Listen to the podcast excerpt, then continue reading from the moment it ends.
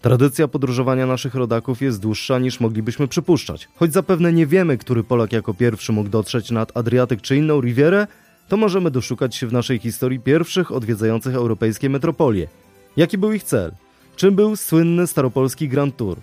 W dzisiejszym odcinku pasjonujące dzieje polskiego podróżowania. Naszym gościem będzie profesor Wojciech Tygielski. Ja nazywam się Cezary Korycki i zapraszam na Prześwietlenie. Inne historie Polski. Podcast Muzeum Historii Polski. Część pierwsza. Azymut na Europę. Panie profesorze, mówimy o milionach, bo takie liczby pojawiają się w danych Głównego Urzędu Statystycznego mówiących o obecnej turystyce Polaków, ale kiedyś poza granice królestwa wyjeżdżały dosłownie jednostki. Kto mógł być pierwszy w tych wojażach po europejskich metropoliach i jaki był kierunek tych podróży? No cóż, to zależy od motywacji oczywiście, bo turystyka w tych najwcześniejszych czasach chyba jeszcze nie istniała. W każdym razie turystyka w takim rozumieniu, jak my ją dzisiaj e, pojmujemy. Ja myślę, że najwcześniej wyjeżdżali duchowni, pielgrzymi, no i ewentualnie jeszcze dyplomaci. Najmniej wiemy o podróżach ludzi, którzy jeździli w interesach, krótko mówiąc, zajmowali się handlem. Ale to są te cztery e, jakby e, motywy czy, czy kategorie, wśród których trzeba szukać owych pierwszych e, jeżdżących. I ja myślę, że pielgrzymi to jest taka kategoria ważna i dość wcześnie się formułująca, dlatego że mamy w Europie wtedy trzy ważne centra pielgrzymkowe. To jest oczywiście Rzym, to jest Jerozolima, nazywam ją Europą świadomie, e, i Compostela. Święty Jakub e, z Kompostelli to też jest miejsce bardzo popularne w średniowieczu. Halina Mańkowska napisała na ten temat grubą księgę i zjawisko jest zupełnie powszechne ponad granicami i o bardzo takiej ujednoliconej motywacji. Więc mamy ruch pielgrzymi, ponieważ ludzie e, uważają, że udanie się do jakiegoś miejsca e, świętego przyniesie im korzyści duchowe, czy też w życiu e, pozagrobowym, w życiu wiecznym. I zwracam uwagę na to, że również w Rzymie ta motywacja pielgrzymia odgrywa kolosalną rolę. E, do tego stopnia, że świadomi tego zjawiska papieże w jakimś momencie postanawiają ogłosić i ogłaszać sukcesywnie tak zwane lata święte. To jest obliczenie e, okrągłej liczby setek lat od narodzin Chrystusa. E, następuje to po raz pierwszy w roku 1300 za papieża Bonifacego VIII że po prostu ten rok 1300 będzie tak zwanym rokiem jubileuszowym, bądź też rokiem świętym. Jeżeli się odwiedzi Rzym w tym roku i odwiedzi siedem najważniejszych kościołów Rzymu, otrzymuje się automatycznie odpust wieczysty. No to jest atrakcyjna perspektywa, która skłania całą masę ludzi do odwiedzenia Rzymu i to ma swoje konsekwencje również ekonomiczne, ponieważ Rzym staje się miejscem hotelowym, e, obsługi e, podróżnych itd., tak itd. Tak Do tego stopnia to się okazuje atrakcyjne. Pomijam tutaj aspekt czysto religijny, choć na pewno to ożywiało e, religijność. Jest taki, że te lata święte miały się odbywać co 100 lat ale szybko doszli do wniosku y, decydujący w Rzymie, że może częściej, może co 50 lat, a potem pomyślano, że jednak 33 lata jako wiek Chrystusa to też jest taki dobry i okrągły moment, żeby zrobić rok jubileuszowy. Krótko mówiąc, troszeczkę się tam mm, te sprawy pokomplikowały chronologicznie, ale dzisiaj, bo przecież rzecz trwa do dzisiaj, mamy do czynienia z latami świętymi co 25 lat i spodziewam się w 25 roku, bo ostatni był w 2000, to ten wielki jubileusz, że odbędzie się w Rzymie rok jubileuszowy, chociaż jeszcze e, jego ogłoszenia, ogłoszenie na pewno nie nastąpiło, a a mało o tym, o tym słyszę. Więc y, motywacja pielgrzymia jest szalenie ważna i szalenie stymulująca y, ludzi do wyruszenia w podróż. Duchowni, bo przecież pielgrzymują nie tylko duchowni. E, duchowni to jest ta kategoria, która ma interesy. Interesy, które trzeba załatwić w centrali, a tą centralą jest bezdyskusyjnie Rzym, chociaż niekiedy duchowni miewają też interesy w innych miastach Europy. Mówię o interesach służbowych, czyli na przykład e, jakichś zebraniach władz zakonnych. One się odbywają na ogół w Rzymie, ale niekoniecznie. E, I powód, żeby uczestniczyć w jakimś takim zebraniu albo żeby coś załatwić w kurii rzymskiej, to jest ten motyw szalenie intensywnie eksploatowany. No i wreszcie są dyplomaci. Dyplomaci, y, którzy w średniowieczu no, wykonują konkretne misje zgodne z interesami swoich władców, mocodawców, czy jakkolwiek ich nazwiemy. Więc motywacja taka służbowo-dyplomatyczna jest też ważna, chociaż proszę pamiętać, pan wspomniał tutaj o milionach e, w naszych zestawieniach GUS-u. No, oczywiście mówimy tu o bardzo nielicznych relatywnie e, osobach. Nie podam liczby, bo jej nie znam i ktokolwiek by ją podał, byłby Hochstaplerem ale mamy świadectwa nie tylko takie, że tych tekstów na temat podróży jest relatywnie niewiele, E, ale też e, mamy takie ciekawe zjawisko, że ci ludzie bardzo często się znają i się poznają na trasie. E, dzisiaj, jak pojedziemy gdzieś i spotkamy Gienka z tego samego miasta, to się bardzo cieszymy, ale trochę dziwimy prawda? Natomiast wtedy było czymś naturalnym, że o, widzieliśmy się w Salamance, a teraz tutaj widzimy się w Amsterdamie. Krótko mówiąc, w tych diariuszach podróży możliwość spotkania kogoś albo kontrolowania przebiegu podróży przez wspomnienia innych podróżujących, którzy napotkali daną osobę na trasie, jest możliwa. Więc ja z tego wyciągam taki bardzo ogólny wniosek, że to było grono stosunkowo nieliczne i przez to w jakimś sensie elitarne. Jeśli o tych motywacjach mogę jeszcze powiedzieć dwa słowa, chciałem wspomnieć mojego mistrza Antoniego Mączaka, y, wielkiego znawcy dziejów podróży nowożytnych europejskich, y, który na ten temat napisał trzy ważne książki. Y, I co jest ciekawe, to był historyk interesujący się dziejami gospodarczymi przede wszystkim. I on się zainteresował dziejami podróży właśnie z punktu widzenia możliwości porównywania rozwoju gospodarczego różnych krain, widzianych przez dyplomatów, a widzianych przez dyplomatów, którzy musieli się rozliczyć ze swojej delegacji, więc skrzętnie zapisywali, co ile kosztowało. I Mączak szukał takich elementów, które nie podlegają transportowi. Cegła, nie wozimy cegieł daleko. Siano dla konia, na ogół jest miejscowe. Płaca dziewki i pastucha, dosłownie takich używano wtedy określeń. To są elementy stałe, charakteryzujące miejscowe ceny, płace, koszty utrzymania. Na tej podstawie budował mapę różnorodności właśnie cen, właśnie kosztów utrzymania w całej Europie. To były bardzo interesujące studia, po których dopiero przeszedł do tego, do czego podróż zachęca, czyli do zastanawiania się nad odmiennościami kulturowymi, y, które uzewnętrznia podróż, prawda? Podróż jest dlatego taka ważna, i dlatego wydaje mi się, dla historyka kultury to jest temat fascynujący i bardzo wiele osób się tym zajmuje, że ona uruchamia y, zmysł obserwacji, że ona pozwala nam opuszczać nasze domowe pielesze, a więc schematy, w których funkcjonujemy. Niektórzy nazywają to bańką środowiskową.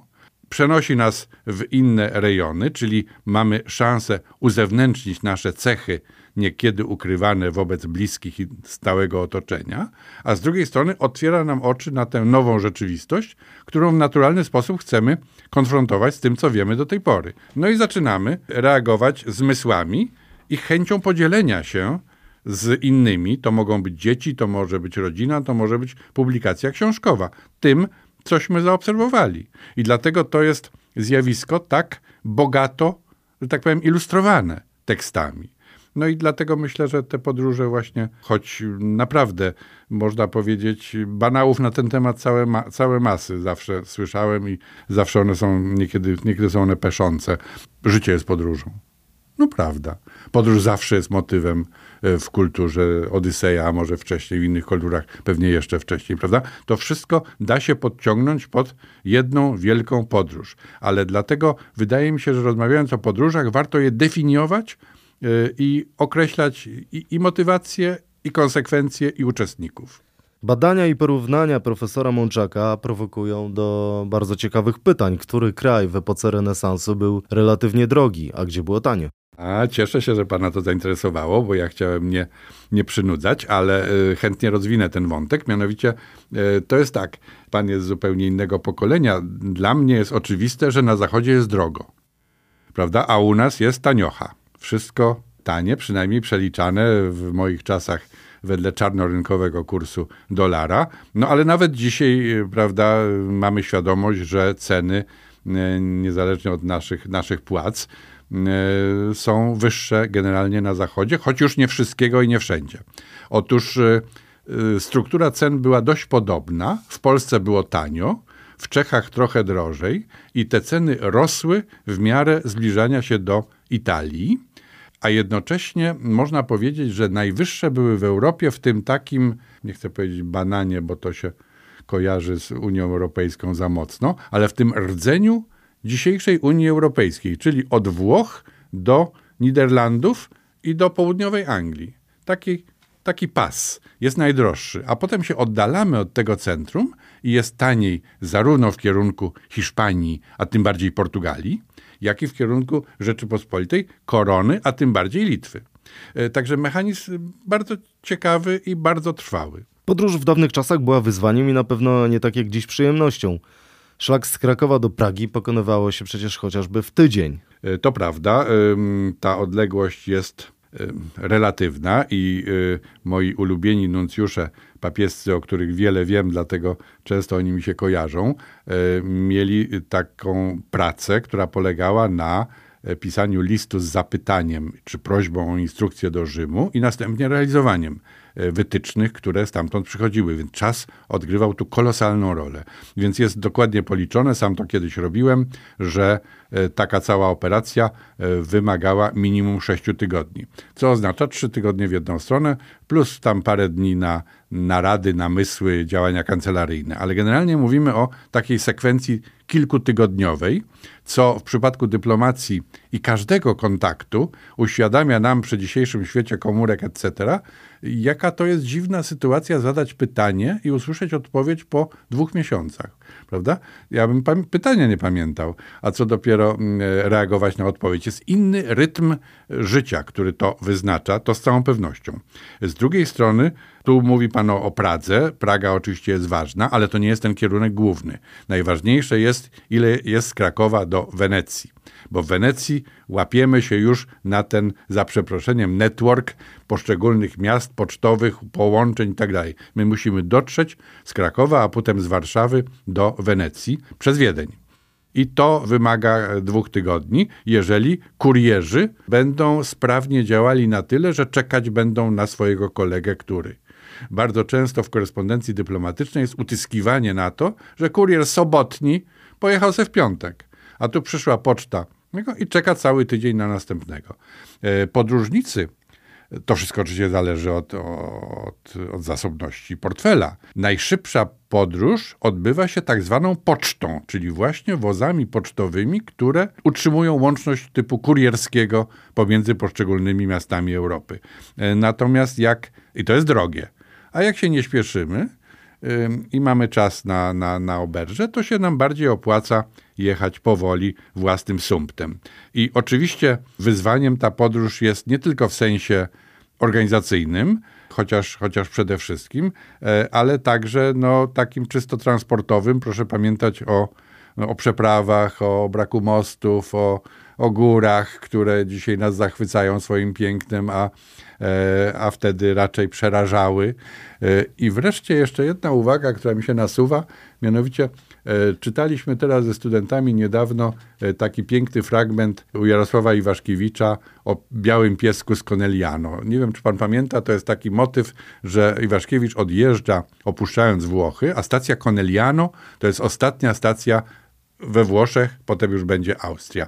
I on żegna się z tymi Włochami, ale całą uwagę koncentruje na białym piesku, który siedział na rękach dróżnika, zawiadowcy stacji. I o tym piesku jak to poeta i wielki humanista chwilę e, pisze. A potem się tłumaczy, że to do niego mają pretensje, że on jakimś piesku nic nieznaczącym opowiada, zamiast o Botticellim i innych wspaniałościach włoskich. On właśnie będzie o tym piesku i tu wyjaśnia, dlaczego ten piesek z Corneliano jest ważny. Otóż wtedy to Conegliano to była oczywisty sposób koniec Włoch albo początek, zależnie od kierunku jazdy. A dzisiaj przez te samoloty pojedzie pan, czy poleci pan Ryanerem za przeproszeniem do Bari i nagle pan zaczyna Włochy oglądać z Bari. To jest bardzo niedobre dla rozumienia sensu. Sensu tego przebijania się przez góry, żeby potem z tych gór, to Klemens Janicki o tym już pisał, schodzić nagle do wspaniałej równiny padańskiej, słońce, owoce, cudo i rozkoszować się coraz bardziej kolorami, innym światem, prawda? A tak ta granica jest mm, bardzo, bardzo słabo zarysowana rozkoszować się innym światem i czynić obserwacje. Jak odbierali e, mieszkańcy Rzeczypospolitej e, dalekie kraje? No, to jest cała masa e, skomplikowanych tutaj wątków, bo oni na pewno są ciekawi tych obcych krajów, no bo by się tak nie wysilali, żeby je zobaczyć. Wysilali i w sensie fizycznym, i w sensie finansowym.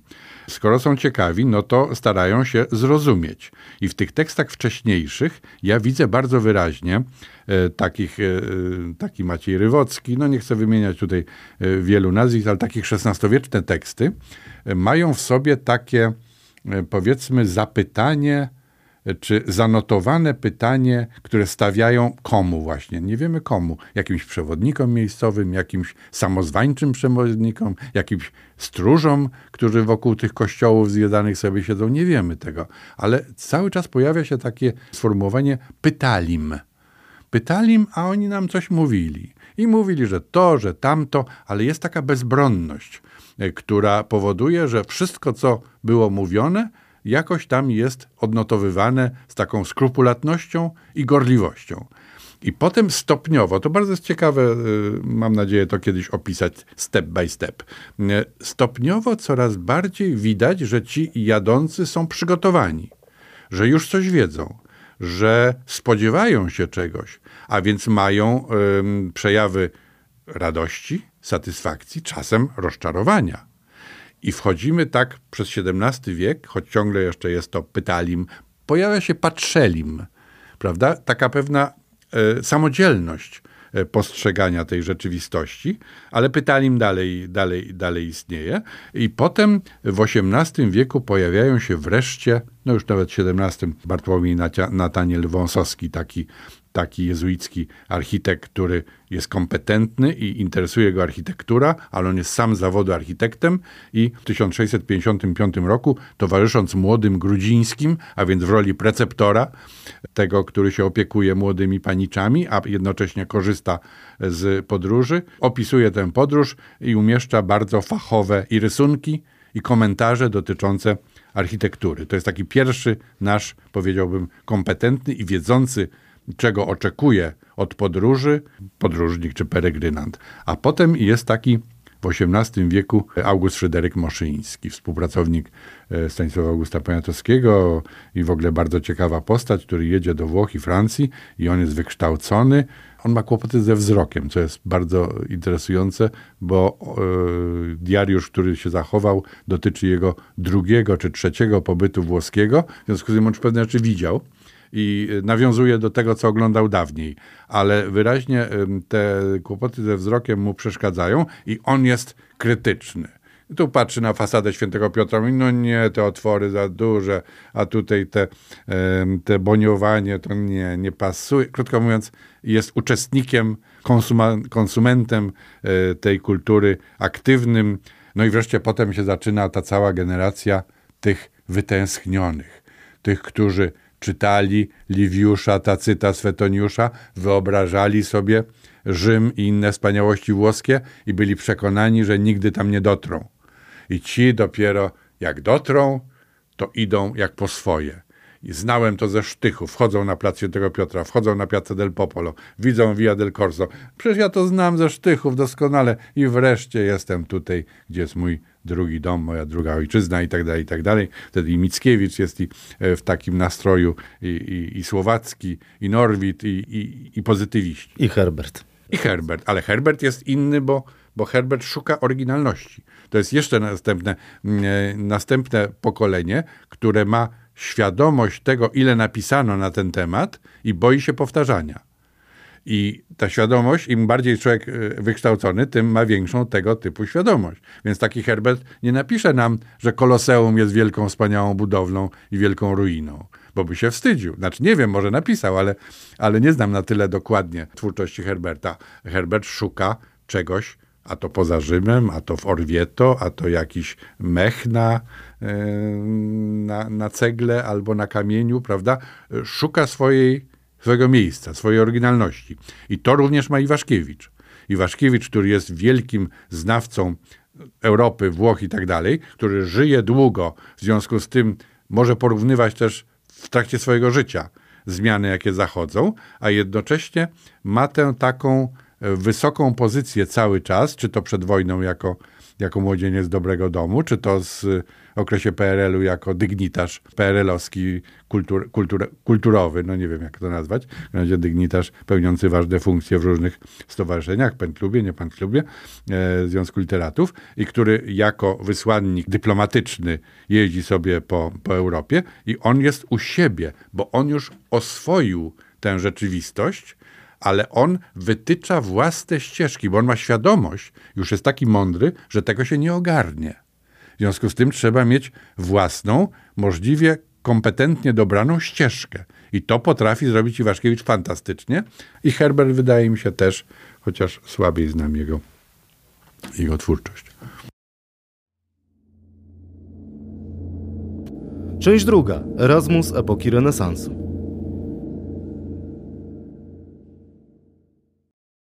Starożytnych gmachach akademickich w Bononii i Padwie widzieć można dotychczas napisy i herby polskie na sklepieniach krużganków i sal, pędzlem i rzeźbą wyrobione, a po kościołach, zwłaszcza świętego Antoniego Padewskiego, nagrobki, smutne pamiątki zgasłej w kwiecie wieku młodzieży polskiej. Od najdawniejszych czasów bowiem jeździli Polacy do Włoch po naukę, którą gorliwie czerpali, a wracając do kraju chlubne po sobie zostawiali wspomnienie. Niejednokrotnie piastowali urząd obieranego z pomiędzy studentów rektora młodzieży. Tak o Polakach na włoskich uniwersytetach pisał w XIX wieku Aleksander Przeździecki. Co dziś wiemy o polskim studiowaniu w Italii, bo na pewno, że to historia starsza niż fakultet Mikołaja Kopernika. No oczywiście starsza, mm, chociaż nie tak znowu wiele starsza. E, problem polega na tym, że my e, nie znamy e, dostatecznie dobrze naszych studentów w innych uniwersytetach niż Uniwersytet w Padwie. Uniwersytet w Padwie ma szczególną pozycję w naszej świadomości, w naszej kulturze, dlatego że zachowały się i były przed laty przez Henryka Barycza i Karolinę Targosz pieczołowicie wydane akta polskich studentów w Padwie. W związku z tym my nagle wiemy, kto kiedy przyjechał, e, ile dał na, na wspólne jakieś tam potrzeby pieniędzy, jakie były fakultety, znamy jakieś e, wspomnienia na temat profesorów i tak dalej, i tak. Więc jest to uniwersytet, którego rola być może, nie wiem tego na pewno, jest szczególnie wyeksponowana, bo jest dobrze udokumentowana. Ale równolegle do tego Uniwersytetu Padewskiego mamy przecież naszych studentów w, w Paryżu, w Bolonii, Bolonia jest tym pierwszym uniwersytetem, prawda? Dużo mniej w Oksfordzie czy, czy w Cambridge, ale w takich miejscach jak Salamanca, y, czy potem Lowanium, czy potem takie kolegia jezuickie i nie tylko jezuickie na terenie Niemiec, jak, e, czy Austrii dzisiejszej, jak Graz, jak Ingolstadt, jak Innsbruck, jak Dillingen, jak Würzburg. To już jest ten czas, kiedy Europa dzieli się z powodu reformacji. Czy zwolennicy reformacji, czy wierzący wyznania reformowane wybierają jeden typ uczelni, a katolicy drugi i to się zaczyna coraz bardziej rozdzielać. Ale to w XVII wieku.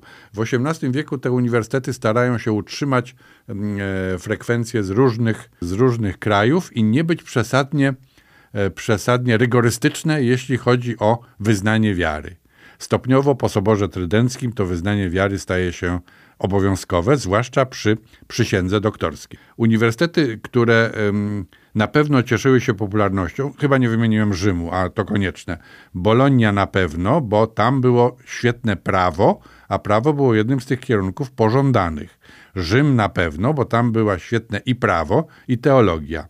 Potem oba te wątki jakby przejmuje trochę Padwa, a potem zaczyna się właśnie Lowanium, popularne i te niemieckie, czy niemieckojęzyczne szkoły wyższe, które przed chwilą wymieniłem. Czyli ta mapa jest taka kontynentalna zdecydowanie.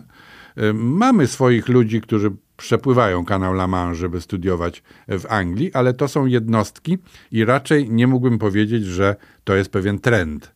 Ta oczywistość dzisiejsza, że nie ma to jak Oxbridge, wtedy nie była, nie była oczywista e, dla tamtejszych Erasmusów, bo używamy czasem żartobliwie tego, tego pojęcia, nawiązując do bardzo cennego i, i na szeroką skalę prowadzonego e, programu wymiany akademickiej w ramach Unii Europejskiej.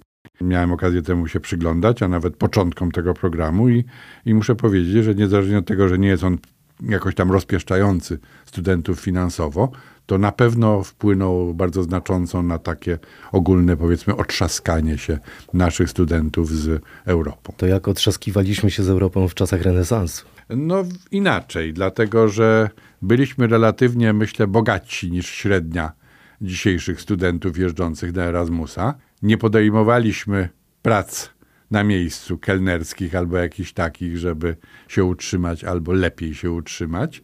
E, natomiast e, z całą pewnością ten status materialny, tak jak rozmawialiśmy kiedyś, on był związany z koniecznością wygenerowania gotówki przez tych rodziców i zaopatrzenia młodzieży w e, gotowe pieniądze. I to nie było łatwe.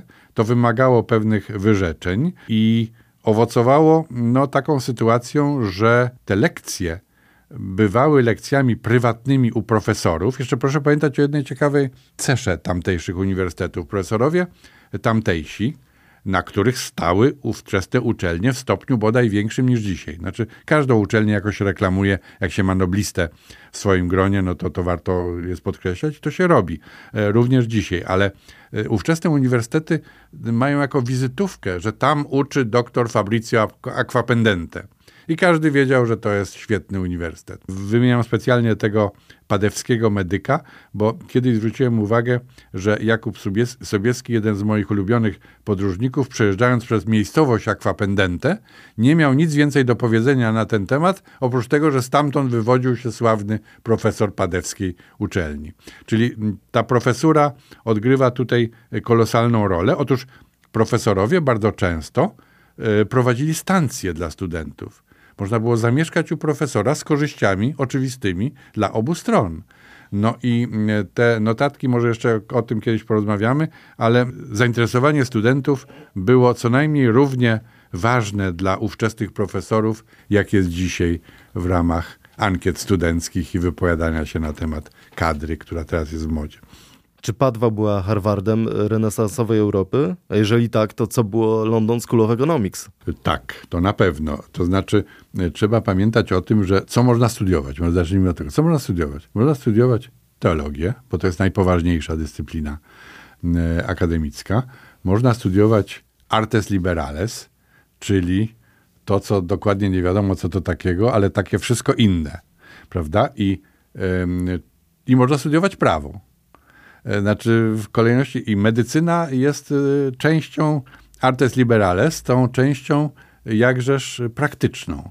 I teraz, zależnie od tego, kto studiuje i do czego ewentualnie ta edukacja mu się w przyszłości przyda, no to myśli albo o e, erudycji historycznej, o zrobieniu doktoratu obojga praw, prawda, utriusque juris, czyli obojga, czyli prawa kanonicznego i cywilnego. No ale do tego czytamy jakieś kodeksy Justyniana, nie Justyniana, stare, mądre dzieła e, i przygotowujemy się do pewnej interpretacji, do tworzenia prawa, do y, bycia kompetentnym doradcą w jakichś sprawach, czy to kościelnych, czy, y, czy cywilnych. I to jest na pewno pewien zawód. Zawodem jest medycyna. Więc to są jakby te pożądane kierunki, pożądane przez osoby nie najwyższego stanu. Bardzo często mieszczanie właśnie, mówię o mieszkańcach Rzeczypospolitej, studiują prawo i studiują medycynę, ponieważ dla nich jest to szansa zawodowa. Tutaj kwalifikacje przełożą się bezpośrednio na e, praktyczne e, rozwiązania i decyzje życiowe. Natomiast ci ważniejsi studenci studiują różne rzeczy, zależnie trochę od zainteresowań, ale raczej te erudycyjne, powiedziałbym. E, I stąd słuchają jakiegoś tam znakomitego prawnika, który wspaniale im coś wykłada. Co im wykładał, to my nie wiemy, bo bardzo mało się zachowało notatek. Są zachowane, ale mało tego jest. Natomiast wydaje się, że to nauczanie polegało przede wszystkim na takim nauczaniu seminaryjnym, tak jak dzisiaj jeszcze w najlepszych uniwersytetach się to odbywa, czyli e, profesor czyta jakieś dzieło wspólnie ze studentami i je komentuje, ewentualnie wspólnie je interpretują. To jest taki dzisiaj już nie, nie, nie pierwszoplanowy sposób edukacji, a jeden z najlepszych, prawda, e, typu seminaryjnego. I jeszcze warto powiedzieć, że status materialny studentów wpływał też na organizację takich zajęć prywatnych, bo można było sobie wynająć lekcje prywatne u profesora, ale trzeba było się złożyć na te lekcje. I bardzo często widzę w mm, tekstach na ten temat, o przyjechał Żółkiewski, to teraz już starczy na tego profesora, będzie grupa. To tak jak dzisiaj byśmy uczyli się języków obcych i, i, i, składali się na, na lektora, prawda? Jak już jest nas dwunastu, to bez kłopotu go sobie opłacimy. W kolejnym odcinku naszych spotkań będziemy rozmawiali o postaci Jana Zamońskiego, ale może troszkę rozszyfrujmy tę historię o tym, jak był rektorem Uniwersytetu Padewskiego. No był, to na pewno. E, zresztą świętujemy, zwracam uwagę, e, w tym roku 800-lecie Uniwersytetu Padewskiego i temu zostały podporządkowane, czy też przypisane bardzo interesujące obchody. W części z nich miałem nawet zaszczyt uczestniczyć. Były sesje naukowe z tym związane, są wydawnictwa przygotowywane przez Instytut Polonika, także coś się wydarzyło. To może dziwne, że wydarza się na jakąś rocznicę i na jubileusz, ale mamy taką kulturę, która każe nam zajmować się ważnymi rzeczami, kiedy od nich upłynie jakiś okrągły, okrągły czas. Zawsze mnie to trochę dziwiło, ale się jubileusz generuje e, takie zainteresowanie, czy chęć podsumowania, e, czy jakiś krok naprzód. W przypadku naszych związków z Padwą, choć to są związki przede wszystkim Uniwersytetu Jagiellońskiego z Padwą, to był następny krok związany z tym, E, z tym jubileuszem, a, a poprzedni wielki był 100 lat wcześniej, także e, jakiś rytm jest tutaj e, zachowany. Zamojski był rektorem, to znaczy, że był jakbyśmy dzisiaj powiedzieli, przewodniczącym samorządu studentów. Znaczy, był takim człowiekiem, który został wybrany w wyniku ustaleń poszczególnych nacji studenckich, czyli organizacji zrzeszających studentów pochodzących z danego, z tego samego kraju czy z tego samego regionu. W przypadku Padwy istniała nacja polska, bo taka była duża liczebność studentów.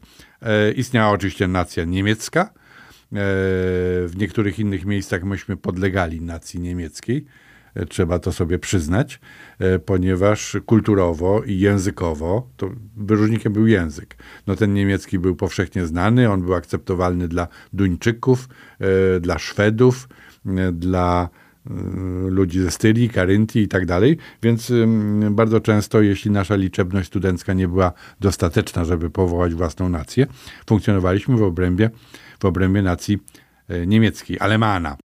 Otóż w Padwie nie było takiej potrzeby i te nacje ze sobą wojowały. Co tu dużo mówić, konkurowały, kłóciły się o różne rzeczy, e, a to bytowe, a to takie prestiżowe. Bardzo to jest interesujące. Może na inną rozmowę e, to kiedyś odłożymy. Także Zamojski był rektorem z wyboru, a jednocześnie rektorem, który miał swoje znaczne prerogatywy, tylko chodzi mi o podkreślenie tego, że to nie był rektor w rozumieniu dzisiejszym, czyli najważniejszy profesor, który e, odpowiada za zarządzanie. Za zarządzanie odpowiadał, ale raczej z perspektywy studenckiej, bo co ciekawe, perspektywa studencka, którą dzisiaj bardzo często jakoś tak zaklinamy, że jest ona taka ważna i że słuchamy się studentów i że wypełniają ankiety oceniające profesor. Jest taka tendencja, prawda, docenienia i uszanowania opinii studentów jako partnera. To jest pewne nowum e, w rzeczywistości akademickiej, która normalnie bywała feudalna. Natomiast, natomiast wtedy to jest ciekawe, że ten e, komponent studencki odgrywa ogromną rolę w kwestiach organizacyjnych.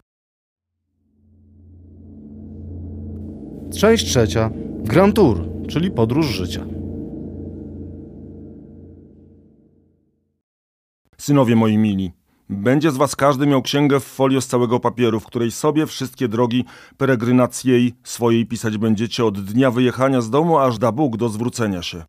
Będziecie sobie w tejże książce notowali notabilia w mieście albo królestwie, w którym będziecie, jeżeli się co dziać za was będzie. Owo zgoła wszystką peregrinacją swoją wypisujecie i distantias locurum i dróg swoich, gdzie jedziecie, jaką ja też uczynił. Mianowicie będziecie sobie notować królów, monarchów i książąt udzielnych, u których będziecie wszędzie. Ingenio qualites principum et procerum aule. Także status każdego dworu, w jakim będziecie. Kiedy przez miasto wielkie pojedziecie, wypytujcie się, czyje miasto, sub cuius regimine. Co za prezydia na nim, co za municję, co za situs. To sobie wszystko będziecie notować w tej książce swojej przez wszystkie czasy swojej peregrinacji.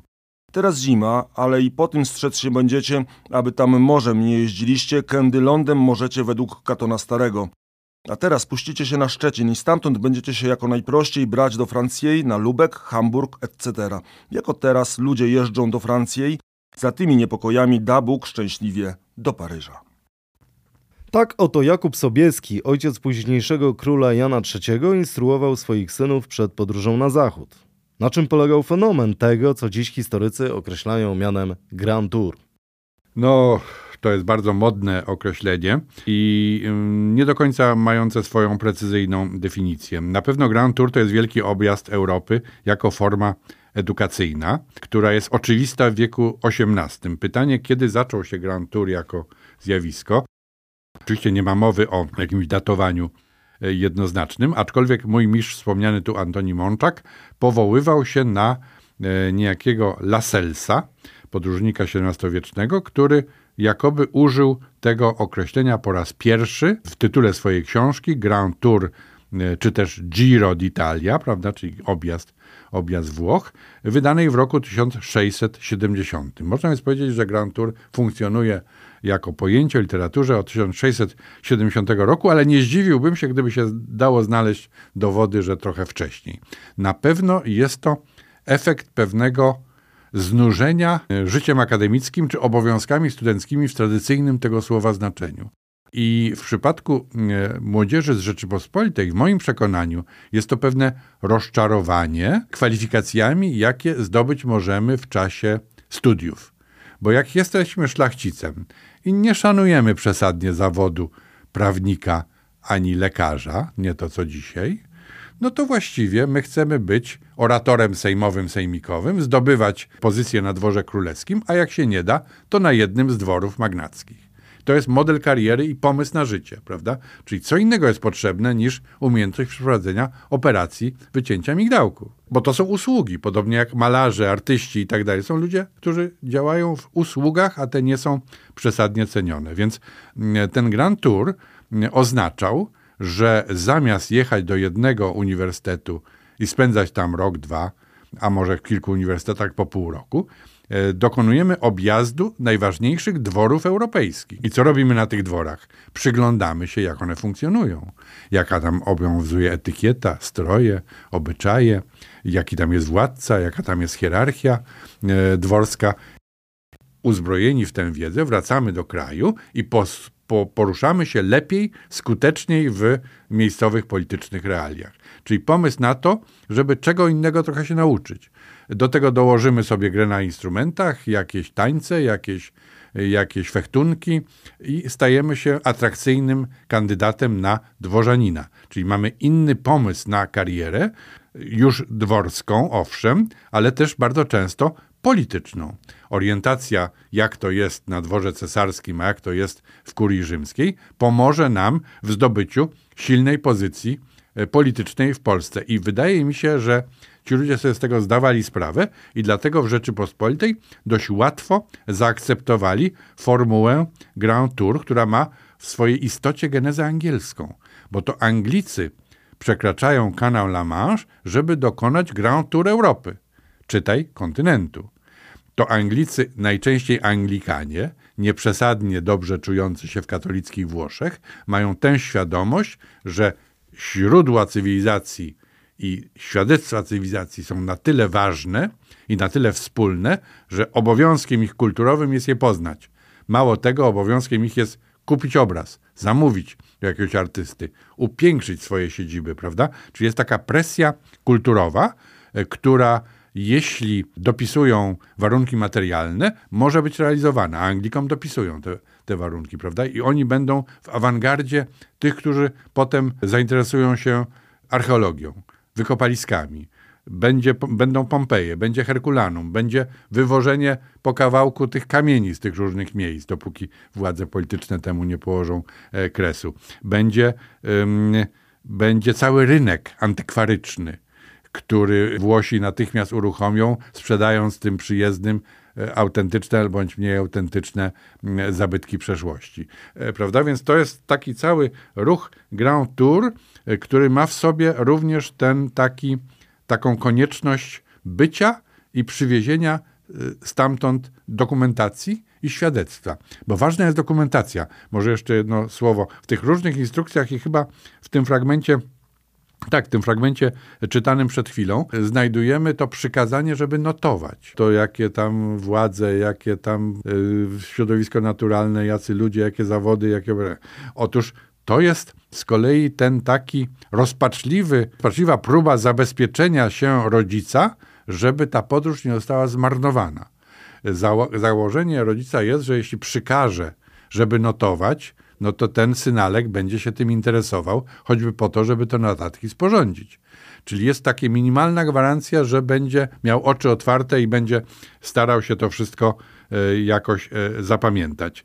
I te liczne, a przez bardzo kompetentnego e, przecież autora spisane zalecenia, bo Jakub Sobieski to jeden z naszych absolutnych mistrzów peregrynacji. Sam jeździł, potrafił też sformułować nie jedną, ale kilka instrukcji dla synów i te instrukcje są bardzo e, przenikliwe i bardzo interesujące. E, I mm, trudno znaleźć w, tej, w tym fragmencie tu przeczytanym jakieś, jakieś braki, prawda? Ona jest taka bardzo kompendialna, że wszystko, co interesujące, trzeba odnotować, a potem jeszcze jest ta wskazówka, którędy jechać. I ta wskazówka, którędy jechać, prawda, bo jest to mowa o opuszczeniu się na Szczecin, a potem do Francji, na Lubek, są te trasy, które są relatywnie bezpieczne. Proszę pamiętać, że mamy wojnę 30-letnią w Europie 1618-48 i że mamy naprawdę rejony niebezpieczne, gdzie grasują bandy nieopłaconego,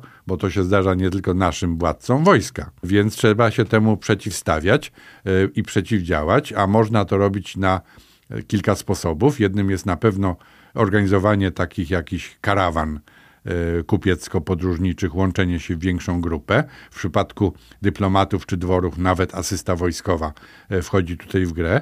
No i wreszcie to niebezpieczeństwo z całą pewnością stymuluje rozwój systemu kredytowego banków, e, listów kredytowych, tak zwane lettere di cambio, bardzo sympatycznie, inteligentnie rozwiązany system opisu człowieka, który zgłosi się w innym mieście po odbiór pieniędzy.